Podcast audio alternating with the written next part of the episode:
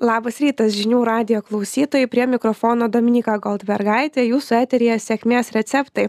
Kalbamės apie tai kokių veiksmų imasi lietuvos įmonės stipriai išaugus energijos išteklių kainoms ir kaip pradėjo o gal ir iki šiol taupė energetinius žmogiškuosius ar finansinius išteklius ir kaip padeda tai daryti savo klientams. Šiandien su mumis prisijungęs įmonės buhalterės taškas lt vadovas laimis jančiūnas. Laba diena laba diena jūsų įmonė užsiema buhalterine apskaita iš esmės darbas su finansais. Kaip jūsų įmonei pavyksta taupyti šiuo laikotarpiu e, finansų žmogiš žmogiškuosius išteklius ar laiką?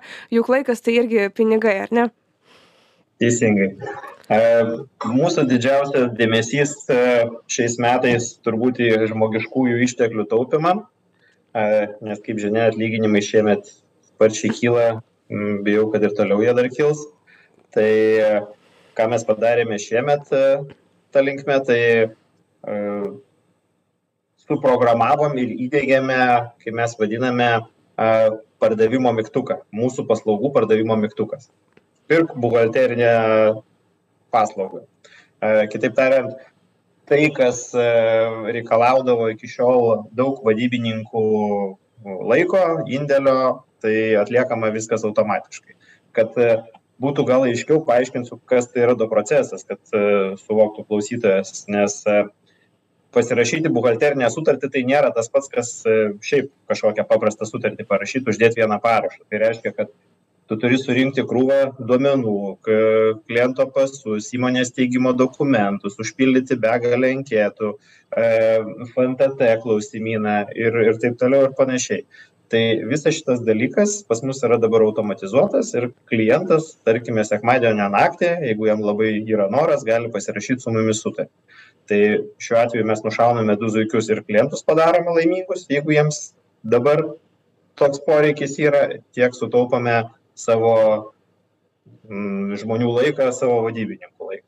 Ar gavote iš jūsų klientų kokį nors pagirimų už naujovę ar, ar kažkokių pastebėjimų? Tai pakankamai naujas dalykas. Mes jį mm, paleidome tik tai šią vasarą. Tai kažkiek trys keturi mėnesiai kaip jinai veikia. Ir jau iki šios dienos mes spėjome šitą paslaugą spėjo išbandyti 12 žmonių. Tai 12 sutarčių, e, tai dar nėra labai dideli skaičiai mūsų versle, mes įprastai per mėnesį pasirašome apie 30 sutarčių naujų, bet tikimės, kad kaip čia šiuo šiuo kanalu pasirašytų sutarčių skaičius tiktai augs. O, o iš klientų, e, e, iš pačių darbuotojų, atsiprašau, ar e, kaip jie reaguoja, juk visiems pakeitimam reikia to laiko, kad, kad taptų kažkokiu įpročiu, ar apsidžiaugia naujovė, ar, ar kažkaip dar reikia prie jos priprasti, kaip vyksta tas procesas? Um, tai geras klausimas iš vienos pusės tai yra konkurencija tiem patiem darbuotojams tai visi šitie progra robotai kurie atlieka darbą už juos.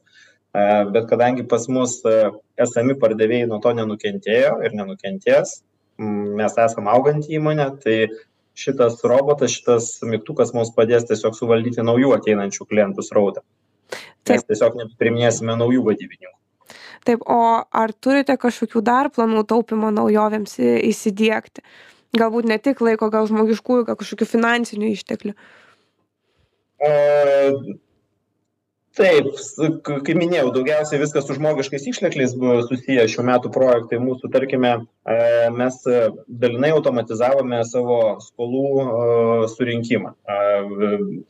Ką anksčiau, tarkime, visos turbūt įmonės dirba su savo skolininkais ir turi sąrašus, kuriems ten reguliariai primena, perskambina ir panašiai.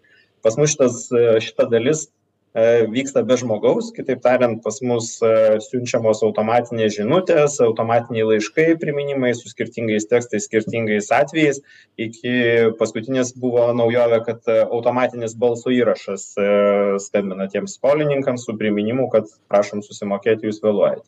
Tai tas padėjo irgi sutaupyt labai nes iki šiol pas mus būdavo tai rankiniu būdu atliekama ir nu plius minus turbūt apie šimtą vien skambučių per mėnesį reikėdavo padaryti.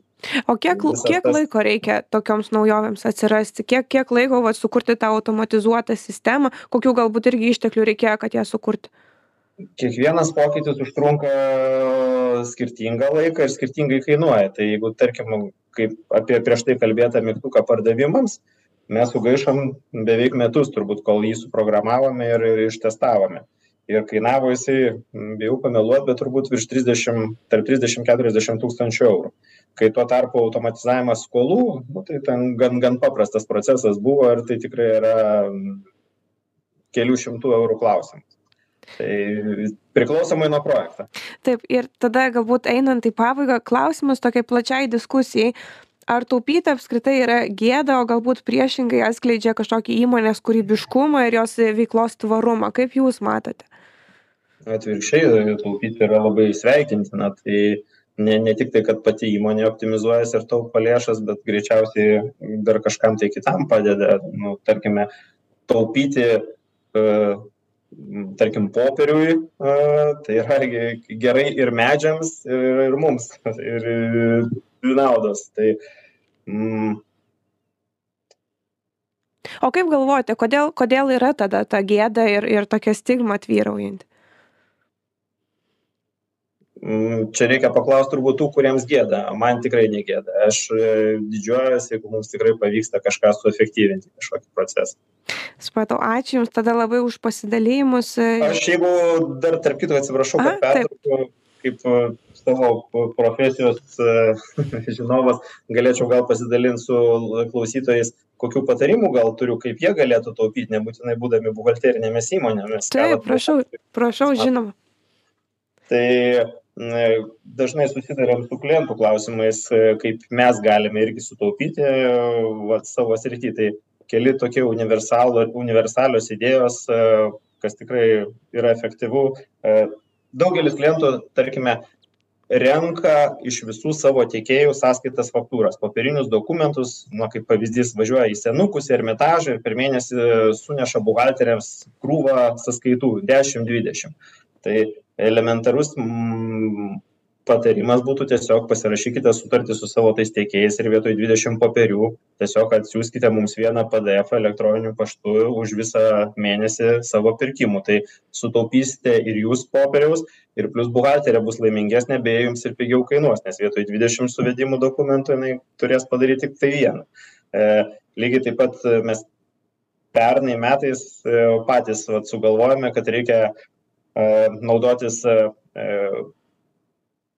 pilamės kurą įmonę ir, ir kad vėlgi nerinkti elementariai kūro čekių, mes pasirašėm sutartį su viena iš degalinių tinklų ir vėlgi vieną kartą per mėnesį mes gaunam sąskaitą, bet maža to mes dar visi įsidėgiame jų siūlomas mobiliasis programėlės ir šiuo metu mes net neužeiname į patį degalinės pastatą, kad išsirašyti tą čekį ar sąskaitą. Mes tiesiog su mobiliuoju mm, telefonu įjungiame pilti kūrą, išjungiame ir išvažiuojame. Mm, taupome ir laiką, ir pinigus, ir tą patį popierių.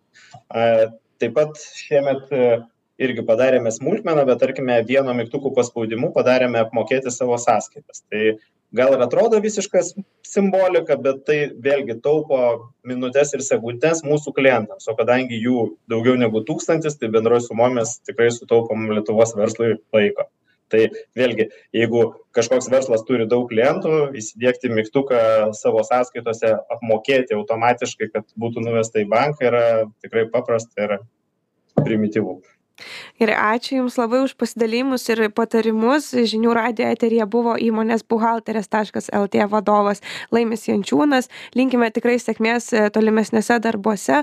Na, o kitas įmonės dar vis kviečiame registruoti sėkmės receptų konkurse.